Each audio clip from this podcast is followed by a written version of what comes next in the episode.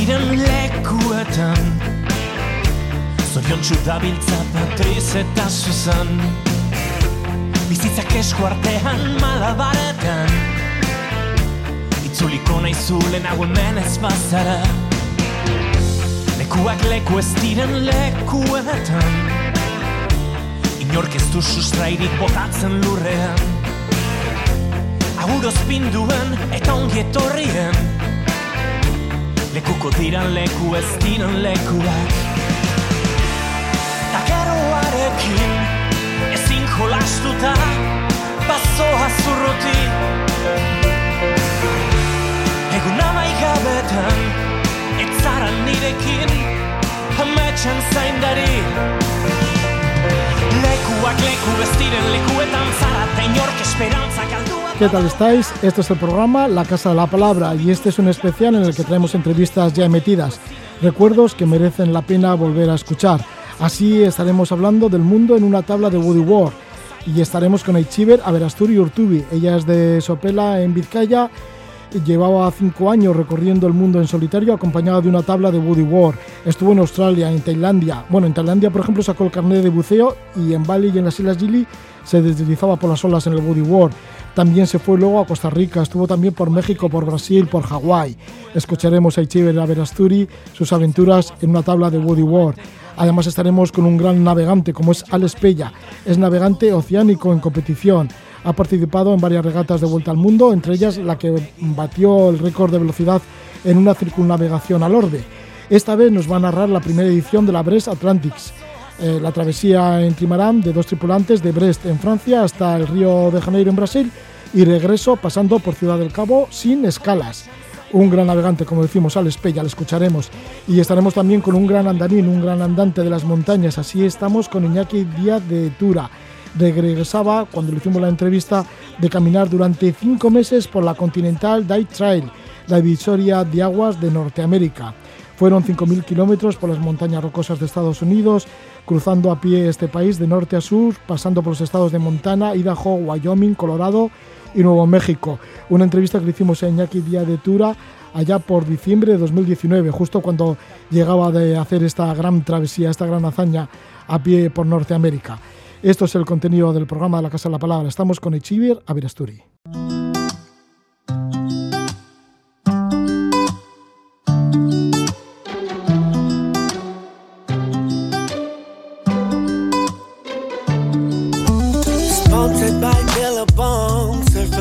Type of girl I like to fill up on. In the water, really wanna rock a boat like a hurricane in a perfect storm, Lord. Ask her where she on her way to. Said I holla Eva.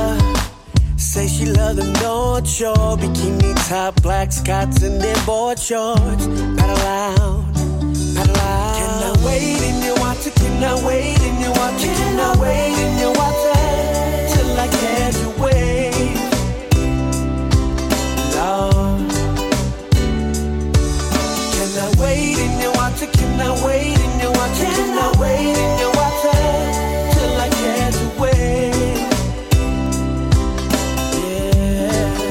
Es el grupo Common Kings con su tema Water in Your Water. Common Kings que está formado por gente de Hawái, de Samoa, de Fiji, de Tonga, aunque viven en California. Música que nos trae nuestra invitada que es Echiver Averasturi Urtubi. Ha vivido en Hawái y además esta canción habla de una chica surfista en Hawái. Ella ha sido también surfista en Hawái. No solo en Hawái, sino con el bodyboard se ha movido por diferentes partes del mundo. Ha estado en Australia, en Tailandia, en Indonesia, en Costa Rica, en Panamá, en México, en Brasil, en Río Janeiro, en Copacabana, la famosa playa de Copacabana en Brasil. Y por supuesto también en Hawái. Nos va a contar sus andanzas por el mundo con el bodyboard Aichiver Averasturi. Gabón Aichiver. Gabón Roger. ¿Por qué esto de ir por el mundo con tu tabla, tu tabla de bodyboard? ¿Es algo inseparable para ti? Eh, es algo que en aquel momento me estaba dando mucha felicidad. Y eh, mm, no sé, eh, pensé que, que ir solo, viajando sola, o sea, también podía hacer lo que más me gustaba, que era estar al mar, seguir cogiendo olas y podía compaginar esas dos cosas. Y como el bodyboard no es como una tabla que ya tienes que pesa más, es más aparatoso. Yo con el bodyboard podía avanzar más. Me ponía de mochila y venga, para adelante. Pero siempre con ella, digo, en autobuses, en aviones. En todo. En, todo. Siempre con el bodyboard. Eso es, sí, sí, sí. Sí. ¿Qué te daba? ¿Como fuerza? ¿Como ganas? ¿Como, yo qué sé, mientras esté con mi tabla voy a vivir aventuras, voy a coger olas? Pues mira, fíjate que te voy a decir lo contrario. Llegó un momento que estaba ya del peso y de. Pero llevaba dos mochilas, una adelante y lo del bodyboard, que era la funda y donde metía ahí mi ropa y todo, todo muy minimizado. Que yo. ah, hubo un aeropuerto que dije, mira, como si no aparece. Porque era ya tanto el peso, ta- tantos viajes que he hecho, tantos vuelos, nervios, porque tienes que ir y, oye, que no me cobren esto y tal. Y al final, y teniendo ese pensamiento, nunca me han perdido absolutamente nada. Y así has estado viajando por años y además sola. Eso es, sí, sí, sí, sí. ¿Y por qué sola? Bueno, porque... Aunque siempre has tenido muchos amigos en los lugares en donde has estado. Sí, he hecho muchas amistades, de hecho es curioso cómo luego te vas reencontrando mágicamente con la gente, pero también porque si tienes unos- un sueño, hazlo. No esperes a que otra persona lo, lo haga, porque yo igual de más joven quería hacerlo, no me atreví, no tal, y entonces sí que es verdad que, que no tienes que esperar a nadie en esta vida para hacer lo que quieres. Hazlo y ya todo se te pondrá en el camino. Un sueño era Australia, un sueño era Costa Rica, era Hawái. Eh, los sueños, eh, sí, Australia sí que era uno de mis sueños. Costa Rica no tanto, pero es que al final te va llevando. Eh, tú vas avanzando en tu aventura, en tu día a día, y las señales te van guiando a los lugares que debes ir. ¿Qué te guió ir a Hawái? Pues curiosamente es que esto sí que es divertido porque vi la película Blue Crash que va de tres chicas, bueno, sobre todo una chica que quiere hacer el Pipe Master, competir en él y yo la vi trabajando en un hotel teniendo sus amigas y cogiendo olas allí en Hawái. Oye, y nada más acabar la película dije, pues yo quiero hacer eso, así, tal cual. Y lo sorprendente es que lo hice. Perdona, ¿en dónde viste la película? Porque has vivido en tantos sitios. Eh, No, pero la vi en casa, o sea, Ah, no en me acuerdo. Sopelana, que eres de Sopelana. Sí, o sea, eh, pero es que no me acuerdo ahora, pero fue tal cual, o sea, es que a veces cuando se dice pide y se te dará, pues es que lo dije tan- tal cual y, y lo hice. Llegué a Hawái, trabajé en un hotel, eh, que aparte estuve un poquito como manager y luego la jefa era muy amiga mía, luego también daba masajes, que me iba súper bien y aparte de esto surfeaba en North Shore, eh, enfrente de Rocky Point, a un kilómetro de pipeline, o sea que increíble, sí. ¿Cómo es la vida en Hawái? ¿Te encontraste con la vida esa de, de un pequeño paraíso en el Pacífico? Bueno, ya sabes tú que eh, una cosa es viajar y ver todo qué bonito es durante unos días y otra cosa es el día a día de un lugar donde vas conociendo más a la gente, más sus situaciones, más todo. Y obviamente es un paraíso, un paraíso visualmente es una isla que las islas además son muy potentes energéticamente y te dan como mucha fuerza, hay unos arcoiris impresionantes, estar eh, tranquilamente esperando la ola y de repente ¡fum! un ruido que alguien respira fuerte y es un- una pedazo de tortuga más grande que tú que te sale al lado, o sea, todo como muy salvaje, muy natural y la verdad que ¿Te asustas, te emocionas cuando aparece la tortuga? eh, asustarme no, porque nunca en el agua me ha asustado de nada, la verdad. eh, y los animales los siento como, como, como si fuéramos nosotros. O sea, para mí los animales son nosotros. Eh, pero sí que es verdad Ya, que... pero si es- te aparece, estás con la tabla y te aparece un tiburón. Y eso ya pasó, ya pasó. sí, en Australia o... Sí, en Australia me apareció un, un- un tiburón blanco, pero no lo llegué a ver. Eh, Nos sacaron del agua y yo no me enteré de nada, pero ya te digo que iba tan tranquila como si fuera, vamos, algo normal. Sí que luego estuve en el lado este, que es más salvaje, y vi pasar a mi alrededor eh, tiburones y tal, que decía, uy, uy, uy. Si estás un poquito así, como con más cuidado y tal, pero eh, nada, tranquilamente. O sea, es como, es que los animales, ver animales y diferentes, y sobre todo en su hábitat y disfrutando como yo, hace muy, muy feliz. Para mí me hace muy feliz. Entonces estás cogiendo olas en Australia junto con una tortuga, o sea que dices, esto es el paraíso.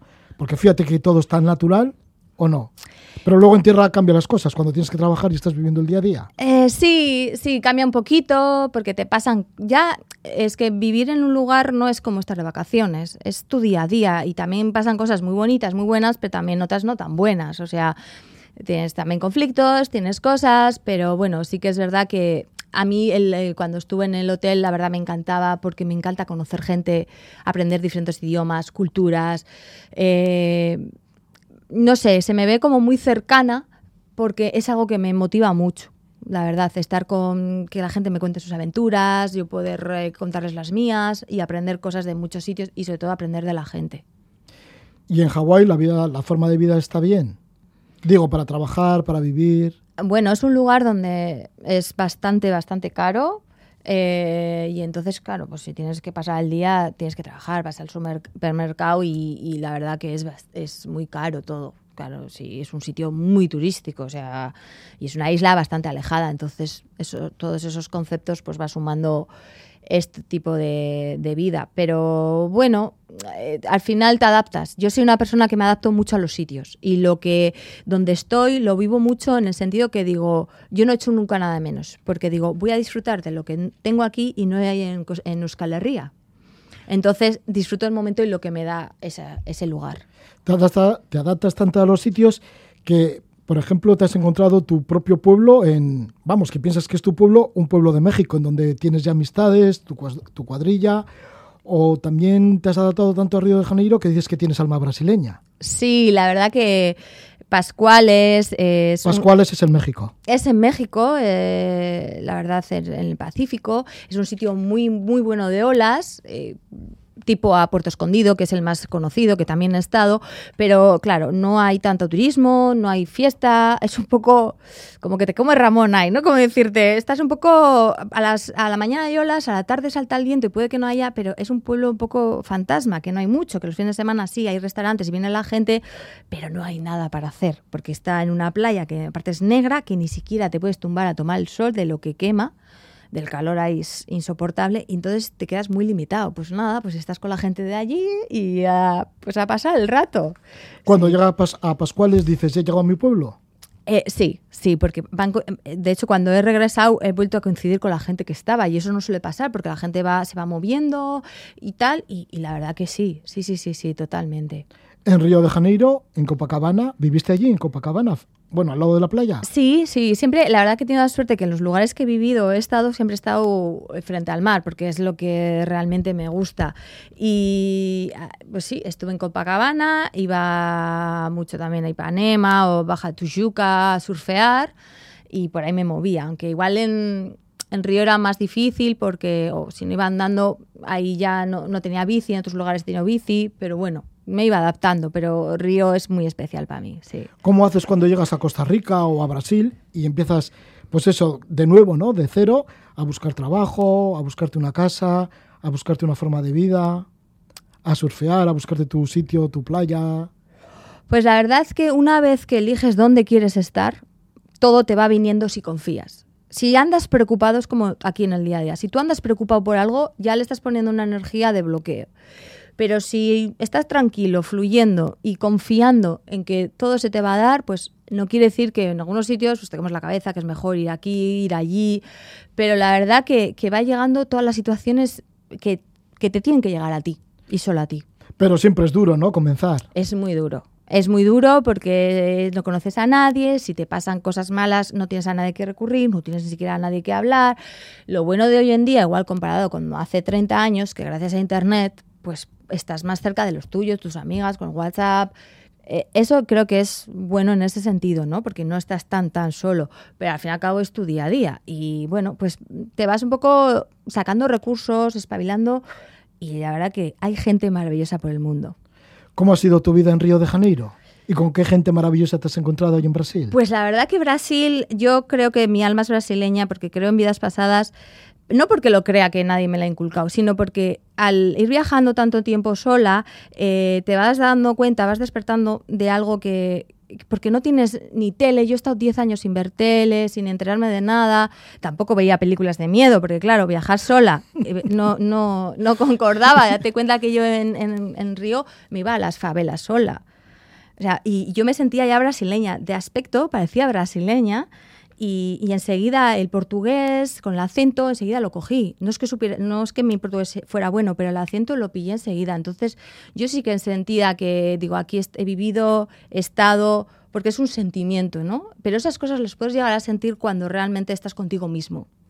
Cuando tienes más distracciones es más difícil conectar con tu ser. En Río de Janeiro además tuviste incidentes bastante fuertes, porque sí que fuertes, porque sí que terminaste en el hospital en alguna ocasión.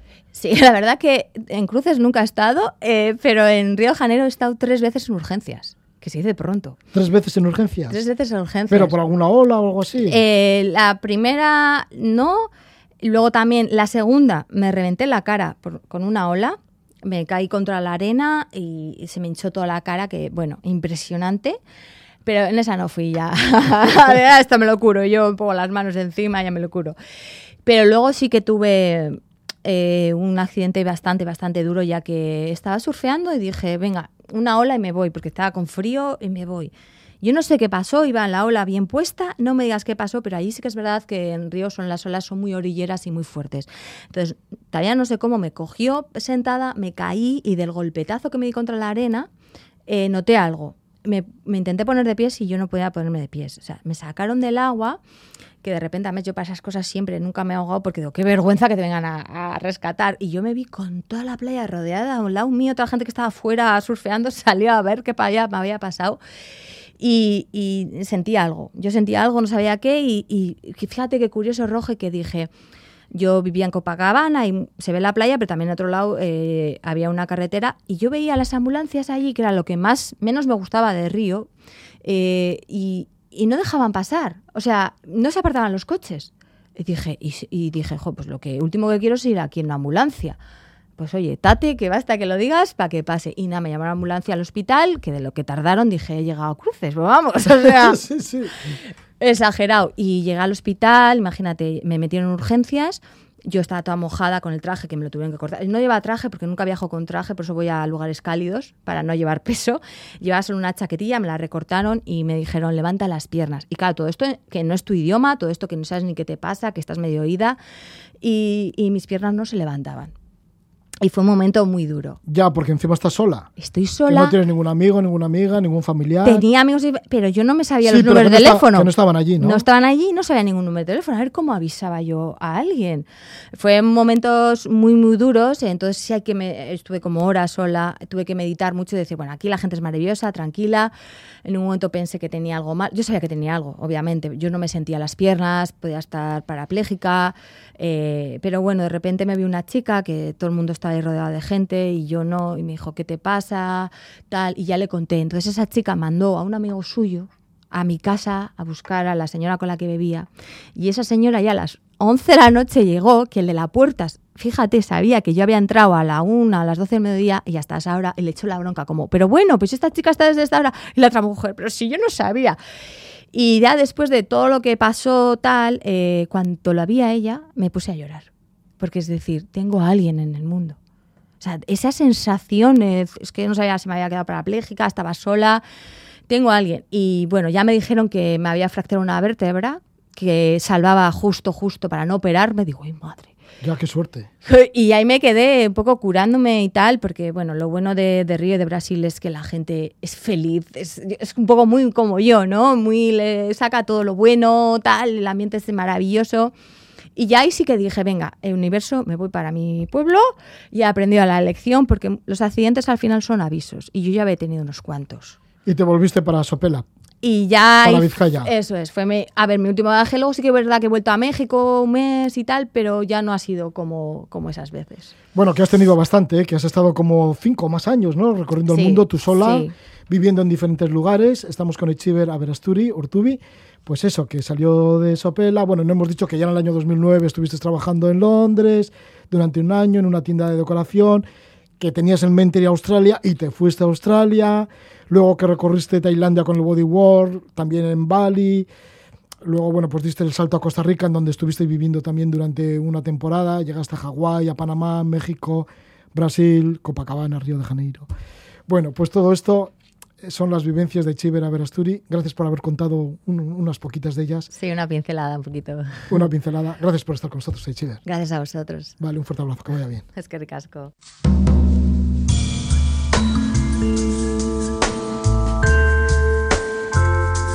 En la Casa de la Palabra, escenas marinas, a golpe de ola.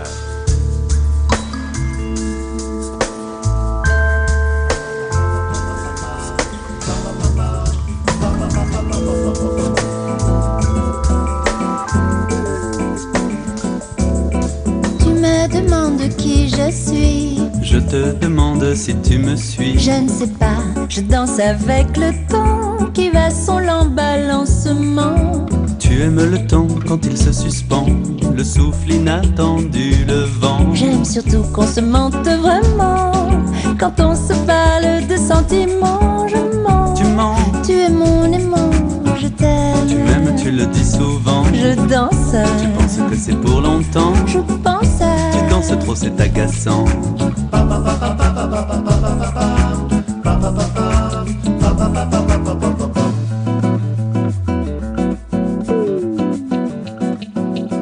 Tu es une image mouvante. Mais je peux être émouvante. Je sais, tu danses comme le vent et devant l'amour tu te rends. À l'évidence soldat, je me rends pourvu que toi, mon bel amant, tu me prennes pas les sentiments. Je mens, Tu mens, tu es mon aimant, je t'aime. tu m'aimes, tu le dis souvent. Je danse, Tu penses que c'est pour longtemps. je pense. Tu danses trop, c'est agaçant. Dis-moi, Oui quoi? m'aimes-tu vraiment? Tu parles charme, mais c'est évident, je t'aime. Tu m'aimes Mais oui, vraiment, je. T'aime inexorablement. Quand tu dis des mots, j'y crois pourtant. Pour toi, ce sont des roses, des vents que tu offres en guise de serment. Tu parles comme une valse à trois temps. Je mens, Tu mens, Es la cantante Elena Noguerra junto con Vicente de Dien. Vamos a hablar de una travesía, una curiosa regata que ha realizado Al Espella. La regata es Brest Atlantics y Al Espella nació en Barcelona, reside en Denia, en Alicante y tiene otra residencia en Bretaña. Pasa medio año en Bretaña, en Francia, en donde ha participado en, en regatas importantísimas. Bueno, hay que decir dentro de la carrera de Al Espella que participó en tres mini transat, la travesía del Atlántico en un pequeño velero. En el 2014 ganó la ruta del Ron, que va desde Bretaña a Guadalupe, en los Antilles franceses, y ha dado ya tres vueltas al mundo.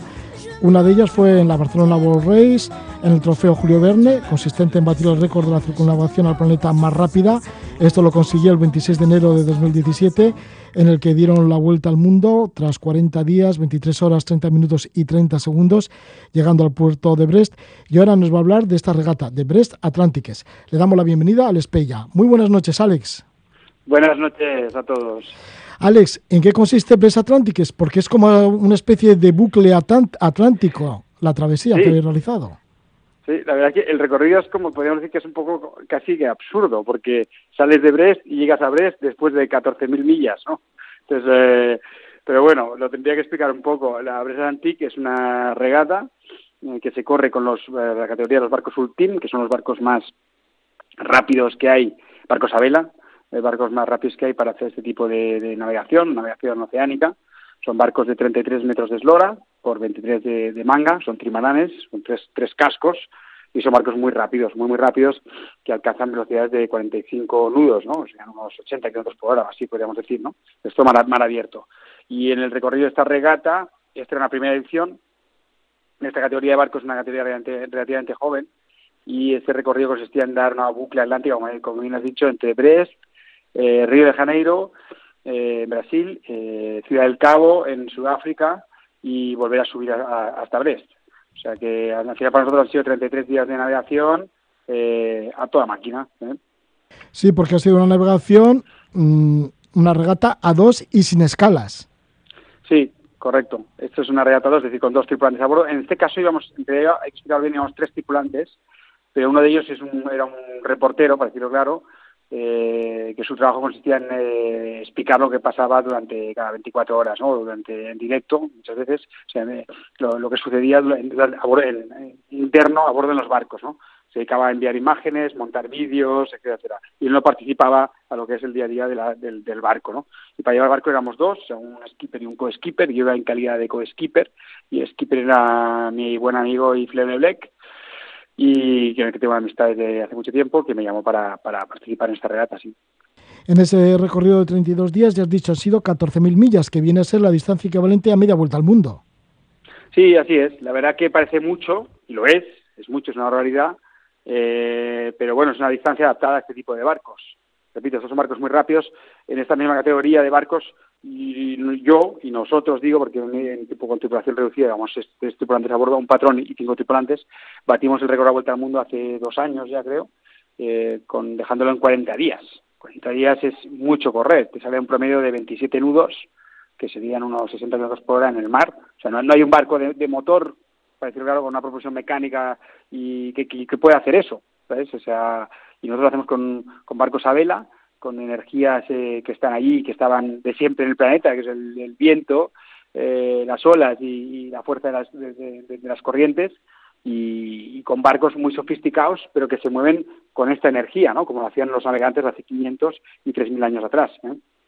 Sí, esto fue hace ya tres años, ¿no? Bueno, más de tres años, porque fue en enero de 2017 cuando lo hiciste este récord de dar la vuelta al mundo más rápida a vela. Y esta vez, bueno, pues sí que habéis sido rapidísimos, porque claro, estos barcos son así, ¿no? Son trimaranes de tres cascos, bueno, muy rápidos, muy grandes, y el planeta se les queda pequeño, seguramente. ¿El océano se les queda pequeño? Es correcto, es correcto, así es. Bueno, el planeta se nos está quedando pequeño a todos, y en concreto estos barcos también. Eh, bueno, podría decir que el, Ah, y los que vamos a estos barcos también, ¿no? Eh, yo, yo, digo mucho que a mí el planeta los océanos se ha convencido en mi campo de, regatas, ¿no? Eh, el Atlántico, un, hay que pensar que un Atlántico en estos barcos son, este, se hacen cinco días, por lo cual son recorridos relativamente cortos para regatas oceánicas o de larga duración. De hecho, yo este, este año tenías que haber participado estos barcos en la regata que es la Transat Jack Bar, pero que completábamos el recorrido en seis días, lo cual era poco interesante, porque como contaba, estos barcos están preparando es una clase joven que está preparando otras cosas, están preparando regatas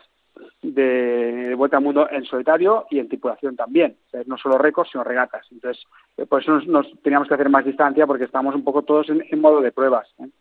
¿Cómo son las jornadas entonces en estos barcos tan potentes, en estos trimaranes? ¿Cómo lo vivís dentro del barco? Hay que explicar que, primero, en este tipo de regatas el ritmo es, es un ritmo de 24 a su 24, el barco nunca para, ¿eh?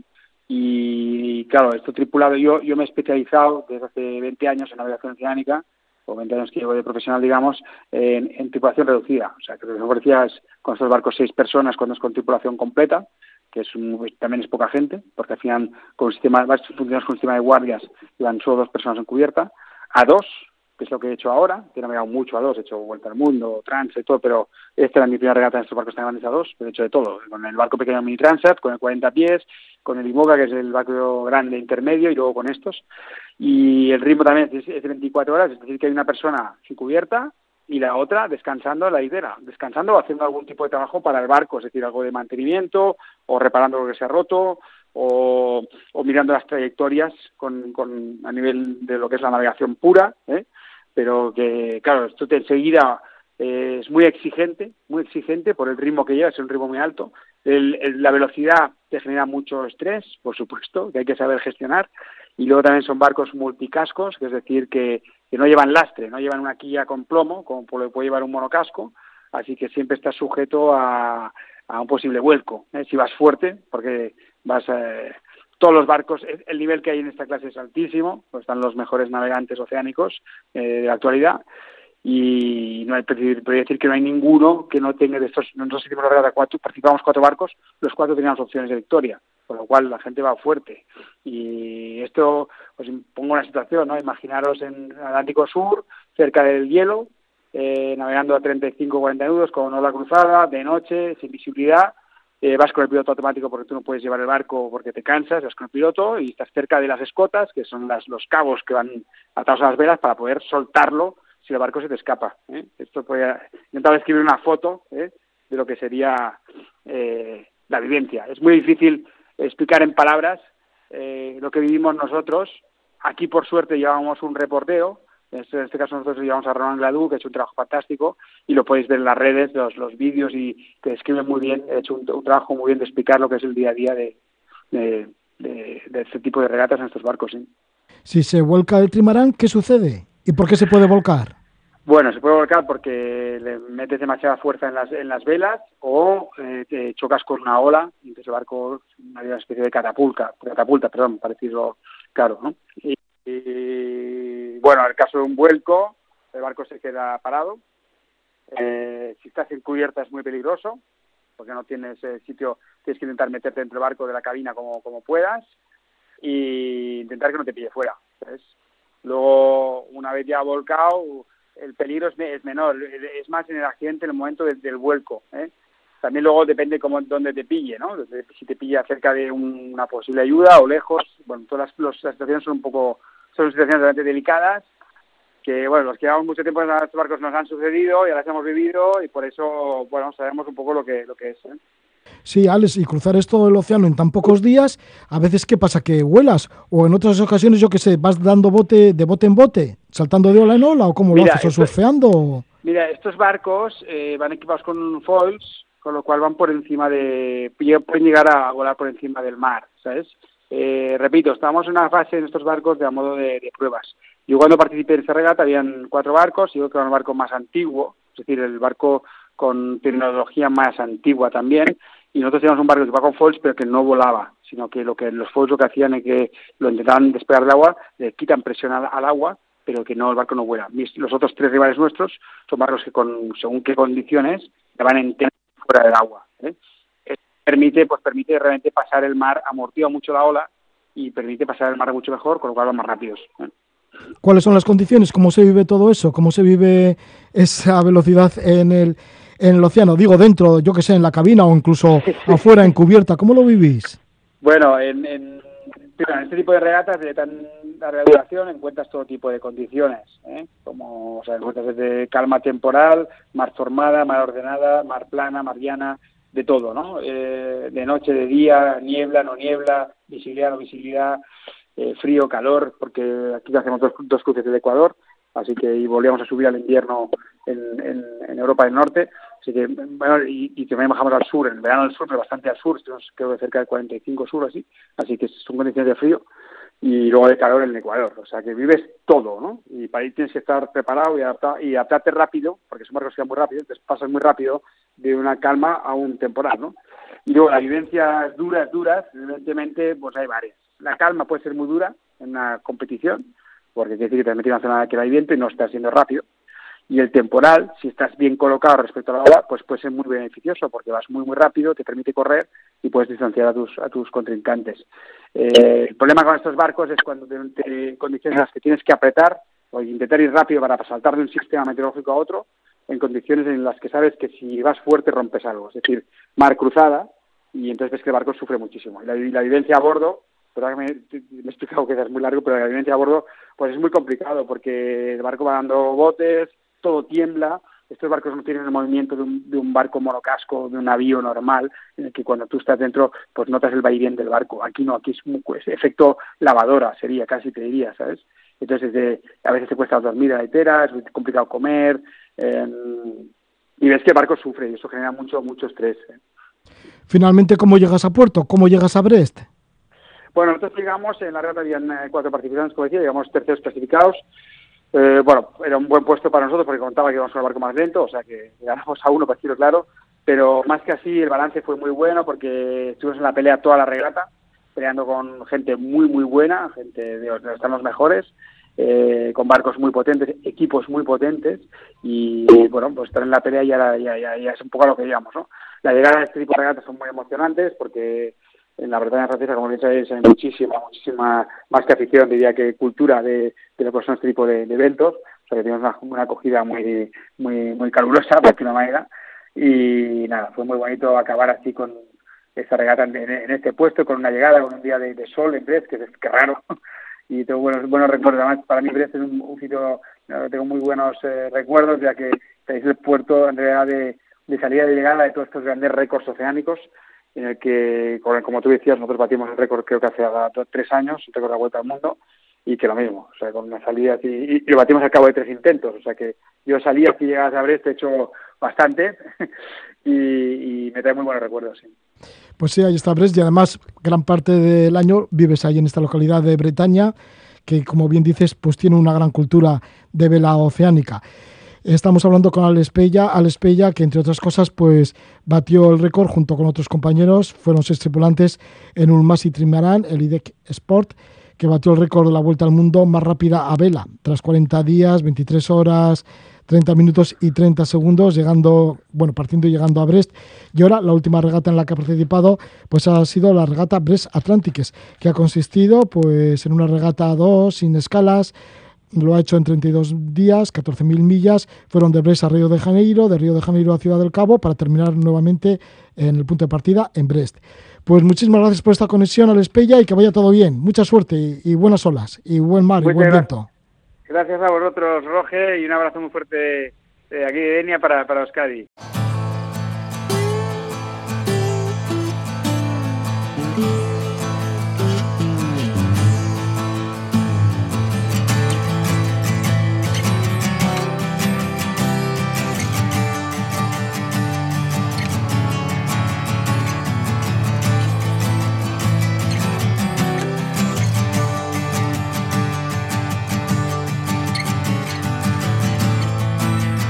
dizzy road with two yellow lights.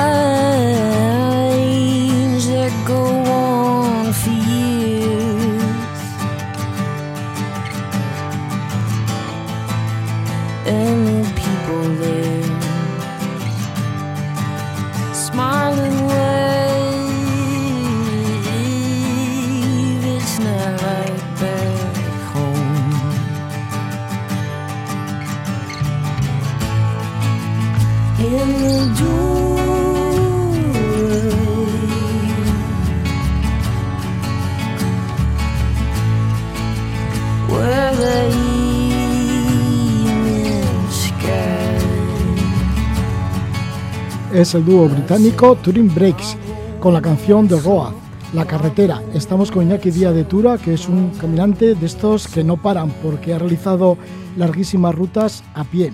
Así, en el año 2006 realizó la Pacific Crest, que va desde la frontera de Estados Unidos con México hasta la British Columbia en Canadá.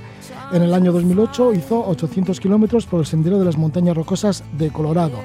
Y también ha hecho la cordillera Cantábrica a pie, también los Pirineos, también parte de los Alpes, las montañas y estepas de Mongolia, ha cruzado Islandia a pie, también los fiordos de Noruega, más recientemente nos habló de Terranova, que estuvo caminando por Terranova, y ahora viene de realizar la Continental Trail Trail, que es una caminata pero larguísima, son casi 5.000 kilómetros, lo ha realizado en 5 meses. Desde allí, desde Estados Unidos, llega nuestro invitado Iñaki Díaz de Tura. Bienvenido Iñaki, Gabón. Gabón, Roge. Iñaki, pues sí, que esta vez sí que has hecho grandes caminatas, pero esta vez ya te has rebasado todo.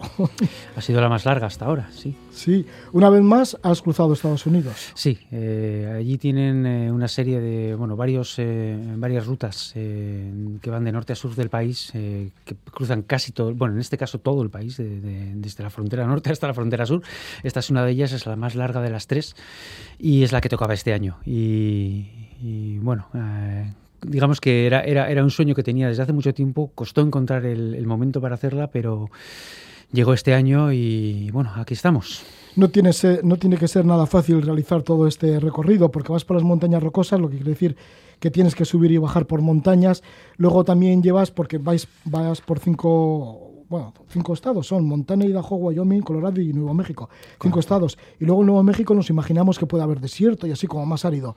Entonces, ¿cómo es la ruta y, y- y bueno, y luego lo costoso que tiene que ser esta ruta? Porque no tiene que ser nada fácil. Es mucho trabajo, desde luego. Técnicamente eh, tiene algún, algunos momentos, algunas zonas en las que bueno, eh, hace falta algo de, técnica montañera, pero no es, eh, digamos, lo más complicado de esta ruta. Lo más complicado es que hay que caminar mucho y la ventana es reducida porque hay que hacerlo en los meses de verano. La idea de la ruta es seguir la, la divisoria continental, eh, es decir, aquel- aquella línea que marca hacia dónde va el agua. Eh, hacia dónde fluyen los ríos, hacia el Pacífico o el Atlántico, con la particularidad de que, claro, estamos en el centro de un continente gigantesco y ambos océanos están muy lejos. Entonces, eh, bueno, tiene es, como una bonita idea la de seguir siempre una, suele ser una, una idea interesante eh, de cara a un, recorrido montañero, seguir una divisoria de aguas. En este caso, además, tiene el, añadido de que ambos océanos están tan lejos de las montañas. Y, bueno, esa es la idea. Eh, entonces, eh, en una ruta tan larga hay, hay muchos tipos de terreno, hay zonas de alta montaña, hay zonas de meseta, hay zonas desérticas, eh, hay terreno muy variado. Y claro, el sendero pues responde a las características físicas de cada, de cada entorno. Hay zonas de, que son típicos sendero de montaña, hay zonas eh, de, de, meseta desértica donde prácticamente es un campo a través sin apenas señalización. Bueno, hay de todo, es muy variado. Debes no distraerte, a pesar de que son cinco meses, que tienes mucho recorrido por delante y muchos días, pero sin embargo tenías que hacer todos los días bastante media. Sí, la media aproximada que intentaba aplicar cada día eran unos 40 kilómetros, a veces más. Eh, normalmente más, eh, para compensar con los días de descanso o días más cortos para bajar a un pueblo, reaprovisionar, etcétera, o simplemente descansar. Entonces sí, intentaba hacer entre 40 y 50 kilómetros cada día cada cuánto tiempo bajabas a un pueblo, a la civilización, porque lo demás que era todo vida salvaje. Sí, aquello, bueno, está, está muy poco poblado. Eh, comparado con Europa, eh, la península ibérica o el resto de Europa en general, aquí está, está todo mucho más poblado, incluso en las montañas. En Estados Unidos, y especialmente en el oeste, está todo muy vacío. Y, claro, es, uno de los atractivos de una ruta de estas, eh, de hacerla por allí, el hecho de que estás en la naturaleza durante días, días, días y días sin ver nada que no sea naturaleza o el propio sendero, que es la, probablemente la única infraestructura que, vas a ver, la propia traza del sendero. A veces, según la zona, pues hay puentes en los ríos, a veces que ni eso. Y normalmente la etapa típica solían ser unos cinco días, sin, sin ver nada, digamos, eh, humano. Ha habido etapas más cortas, también algunas más largas. Hasta ocho días ha sido, yo creo que lo, más largo han sido ocho días. Para estar ocho días tienes que ser totalmente autónomo, para estar ocho días caminando en un mundo salvaje. Entonces, ¿cómo hacías para llevar tanto equipaje en la mochila? Bueno, eh, hay que mirar muy bien qué se lleva y qué no, que sea un equipo bien estudiado para que sea versátil, pero lo más ligero posible al mismo tiempo, de forma que, te permita hacer las distancias necesarias y hacerlo con relativo confort y que, no mueras en el intento. ¿Cómo lo haces para llegar a los pueblos? Digo, porque si estás siempre en la montaña y si no ves ningún pueblo alrededor, ¿cómo sabes en dónde hay un pueblo para abastecerte? Bueno, está todo documentado, eso sí, hay, guías, eh, hay guías pues, tradicionales en papel, ahora también es muy habitual llevar una guía en una guía digital en que típicamente para lo que típicamente se usa un teléfono, un smartphone es la forma más, más habitual de, manejar la información del sendero hoy en día y siempre tienes eh, documentado, eh, sea en papel o sea en digital, eh, por dónde va el sendero, dónde están eh, donde vas a encontrar eh, pues cosas que vas a necesitar, como el siguiente punto donde vas a encontrar agua, dónde va a estar la siguiente carretera que vas a cruzar. Entonces te puedes planificar cuánta agua hay que llevar, cuánta comida tienes que llevar hasta, hasta, hasta la próxima carretera y bueno, desde ahí pues tienes que luego llegar a algún pueblo, cosa que no es tan inmediata como puede serlo aquí en Europa.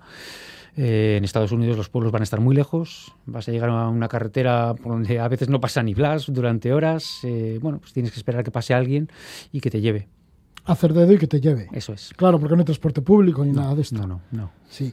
Y luego, además de la soledad, ¿quién te acompaña?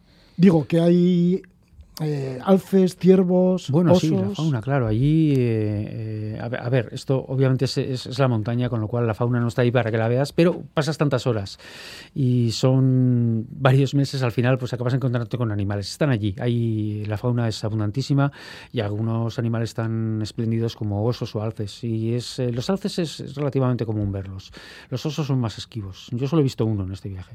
¿Cómo son las noches allí? Una vez que terminas esas jornadas tan duras de 45 kilómetros. De descanso, que es lo que hace falta. Y, o sea, que caes rendido. Sí, totalmente. De hecho, para mí era uno de los mejores momentos del día porque el día suponía trabajo muy duro. Es algo atractivo, al final es algo que haces porque quieres y es muy enriquecedor, pero, pero muchos de los días eran muy largos, se me hacían muy largos y casi, bueno, provocaban que mi mejor momento fuera el momento de parar, montar campamento y relajarme. Y era casi como, como un trabajo urbano. Eh, digamos que puedes empezar la jornada con mucha ilusión, mucha fuerza, acabas muy cansado y acabas, bueno, eh, sentado en el sofá relajándote al final del día. Pues esto era algo parecido, solo que sin sofá. Sin sofá, pero ¿cómo era el paisaje?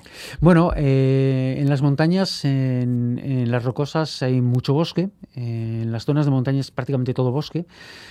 Eh, salvo en eh, según zonas, eh, había veces que la ruta iba por zonas tan altas que ya, ya el, bosque terminaba y estabas en, más allá del bosque, zonas de, pradera, roca, y luego en las zonas de desierto, pues, pues, pues, pues vegetación desértica. No era desierto totalmente desprovisto de vegetación, sí que siempre había algún arbusto, plantas desérticas, cactus, este tipo de cosas y y bueno, pues pues había que acampar allí también. Y por cierto, el desierto es algo eh, especialmente hermoso, especialmente de noche, porque ya no tienes el calor del día, el sol, más que en, las zonas de desierto, cuando yo he estado en ellas, eh, no hacía ya mucho calor, porque era ya final de temporada, era ya octubre.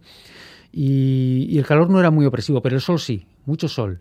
Entonces, cuando se iba el sol, eh, era como, bueno, eh, nos llega la paz ahora y vamos a disfrutar de, este momento tan especial que es cuando, bueno, las, luces se apagan, puedes descansar y todo es silencio. Esto sería Nuevo México, ¿no? Al final, el último de los estados. Y, y, también un trozo de Wyoming, que también tiene un trozo de desierto.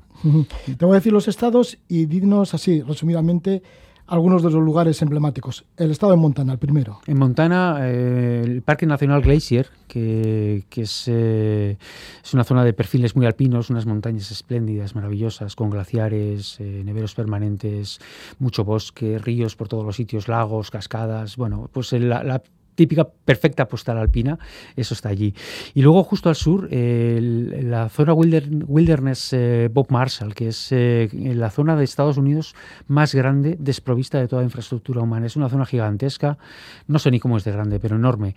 la ruta pasa por allí durante, tarda, dura más de 300 kilómetros la travesía de Bob Marshall Wilderness. Es algo espléndido. Saber que estás tan lejos de cualquier cosa humana es, una sensación muy especial. ¿Idaho? En Idaho... Eh, es, bueno, la ruta prácticamente solo toca la frontera entre, solo toca Idaho en, la frontera entre Idaho y Montana. Es una zona de montañas eh, no tan elevadas como, como las del norte de Montana, pero muy especial también por el hecho de que vas por la propia cresta. Es algo muy especial estar caminando por las crestas montañosas sabiendo que eh, a un lado los arroyos que estás viendo a un lado van al, Atlántico y por el otro lado van al, Pacífico. Wyoming. En Wyoming está el Parque Yellowstone, que es muy famoso, bueno, mucha gente lo conocerá. Es un sitio muy especial, especialmente por la actividad termal. Eh, tiene un montón de, bueno, pues géiseres, eh, piscinas de agua termal, eh, agua hirviendo por todos los sitios, fumarolas. Es un sitio espectacular. Colorado, que ya lo conocías porque estuviste recorriendo las montañas rocosas en la parte de Colorado, en el estado de Colorado. Colorado es donde las montañas rocosas son más montañas. Es la típica imagen de mar de montañas en todas direcciones. Eso está en Colorado. Es, es una zona donde la cordillera es gigantesca, muy amplia en todas direcciones y es también quizá la parte más urbanizada de todo, de todo, el, todo el recorrido, es lo que más eh, puede recordar a Europa por el hecho de que te encuentras muchos senderos, eh, infraestructuras tipo estaciones de esquí, no tantas como, como en Europa, pero, pero las hay y mucha gente por los senderos también. También es una zona muy especial, paisajísticamente es espectacular. Terminaste en Nuevo México, hiciste Estados Unidos de norte a sur y Nuevo México fue el punto final. Nuevo México es muy especial, es eh, muy variado, es lo más variado de todo el sendero. Tiene zonas de alta montaña, pero tiene también zonas bajas, eh, zonas semidesérticas y que a pesar de ser zonas bajas conservan el, conservan el, carácter eh, silvestre que aquí prácticamente solo en Europa solo conservamos en las zonas de montaña. El resto está todo pues cultivado o, bueno, lleno de infraestructuras, poblado. Allí no. En Nuevo México hay zonas que no son montaña, pero son todavía salvajes y eso es muy especial. Estamos con Iñaki Díaz de Tura. Él vive en Madrid, pero es de Bilbao, trabaja en Madrid y ha hecho la Continental Dry Trail. 5.000 kilómetros durante cinco meses recorriendo las montañas rocosas por Estados Unidos en esa divisoria continental a lo largo de cinco estados de Estados Unidos. Hemos repasado algunos de ellos, hemos hecho un pequeño resumen de todo ese gran caminate y de un gran pozo que te habrá dejado todo esto una vez que lo has terminado. Sí, prácticamente. Porque eso de estar tantos días contigo mismo. Sí, sí, sí. y caminando, caminando. Sí, sí, te da para, para bueno, es mucho tiempo, te da para pensar muchas cosas. A mí, bueno, creo que es un escenario ideal para hacer planes para ver qué va a ser de tu vida. Y luego, claro, está la, la, vuelta, que es, que es complicada, porque digamos que, que tienes un, un, estilo de vida que dura cinco meses, pero que prácticamente se convierte en tu, en tu, bueno, es tu día a día y se convierte en tu modo de vida, ¿no? Levantarte, caminar, eh, caminar todo el día. Tus problemas eh, consisten en, encontrar eh, agua, que la comida te, te, dure hasta la siguiente, al final de la etapa, etcétera. Y bueno, pues llegar al final del día, acampar, dormir y bueno, descansar lo mejor que puedas y a la mañana siguiente volver a repetir todo esto. Y esto es durante cinco meses y de repente esto se acaba. Vuelves a casa y, y es como wow, ¿qué hago yo ahora? ¿no? Bueno, eh, volveré al trabajo en, breve, eh, estoy pues recuperando mi, mi, vida anterior. Es, es, un proceso un tanto traumático, es, es, complicado, pero a la vez es también, bueno, emocionalmente interesante. Bueno, seguro que lo superas. Si has superado la Continental Day Trail, ya superas cualquier cosa, mm. incluso vivir en Madrid, ya sí. Sí, efectivamente. no, es algo que de, verdad te, te, da mucha fuerza, te, te, enfrenta a muchas situaciones y, y te obliga a superarlas, porque estás solo tú y no hay nadie más responsable de lo que, de, lo que pueda pasar, con lo cual, sí, efectivamente, es lo que acabas de decir. Si puedo superar esto, puedo con cualquier cosa. Sí, y además vienes con, con mucha salud, físicamente en forma, después de tantos días caminando. Totalmente. Pues muchísimas gracias por estar con nosotros, Iñaki Día de Tura. Si hemos empezado con la música de Touring Breaks, que la has elegido tú mismo, también vamos a despedirnos con una, que son canciones que te han acompañado en el camino. es mucho tiempo para pensar y la música es una gran compañera. Aunque no ibas con cascos. No, no, no. Bueno, la música va conmigo, de alguna forma. Por eso. Y nos despedimos con una de estas canciones que te han ido acompañando. Música del oeste. Que es la música de REM. Sí, sí, sí. Uno de mis grupos favoritos son americanos y, en, esta, en este tema concretamente cantan al oeste de su país. Muchísimas gracias por estar con nosotros, Iñaki Día de Tura. Gracias por tu presencia y que vaya todo bien. Millas que Roge. Vale, mucho ánimo. placer. Nos despedimos ya, lo hacemos con la música de Ren.